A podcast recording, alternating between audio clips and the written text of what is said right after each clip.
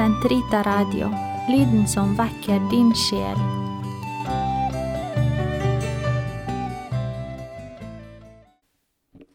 Den katolske kirkes katekisme, uke tre, torsdag. Paragraf 1091 til 1098. Den hellige ånd og kirken i liturgien. I liturgien er Den hellige ånd pedagog for gudsfolkets tro. Det er han som utfører de Guds storverk den nye pakts sakramenter er. Åndens lengsel og verk i kirkens midte er å få oss til å leve av den oppstandende Kristi liv.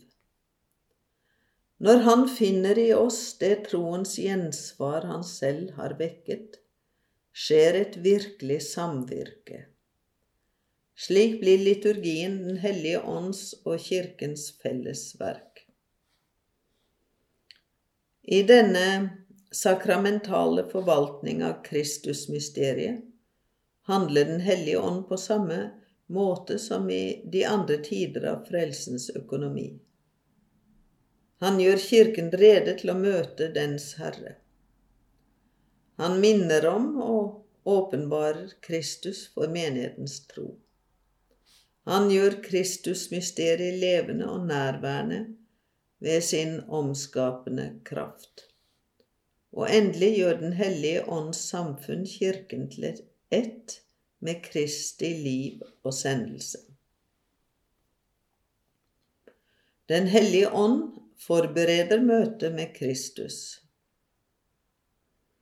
Den hellige ånd fullbyrder den gamle pakts bilder i den sakramentale økonomi siden Kristi kirke var forberedt gjennom det israelittiske folks historie og den gamle pakt, har Kirkens liturgi beholdt og integrert og gjort til sine egne visse uerstattelige elementer i den gamle pakts gudsdyrkelse.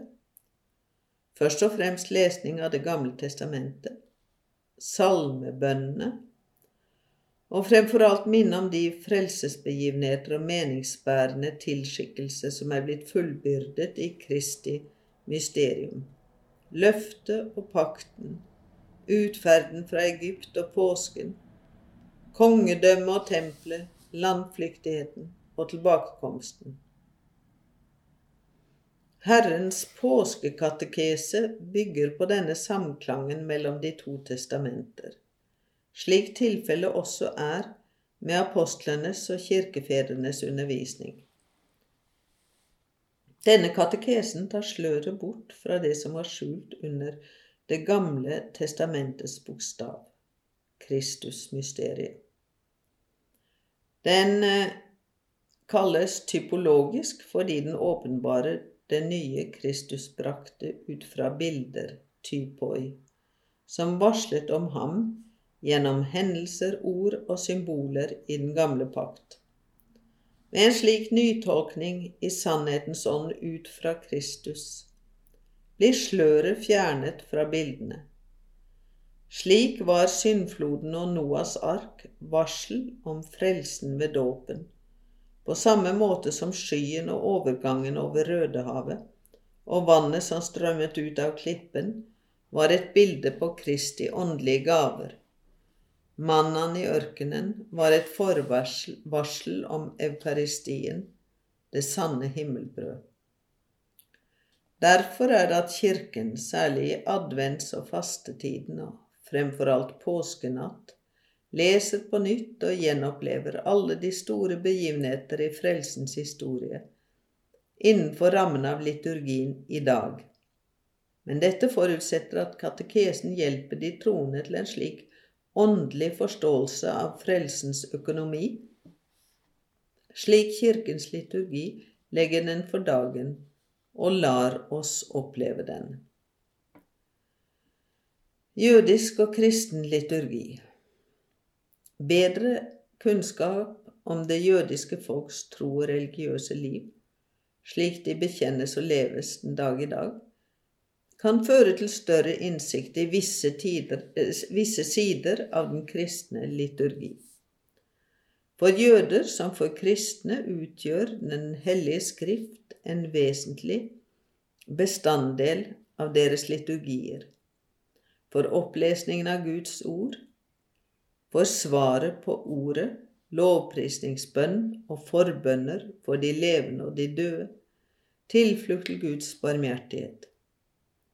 Ordets liturgi har med sin særegne struktur sin opprinnelse i jødisk bønneskikk. Tidebønnene og andre tekster og liturgiske formuleringer har paralleller i jødisk bønn, på samme måte som våre ærverdigste bønner, derav Fader vår. De eukaristiske bønner er påvirket av forbilder i jødisk tradisjon. Forbindelsen mellom jødisk og kristen liturgi, men også forskjellene i innhold, blir særlig synlige ved de store fester i det liturgiske år, som for eksempel påsken. Kristne og jøder feirer påske. Hos jødene dreide seg om historiens påske, rettet mot fremtiden.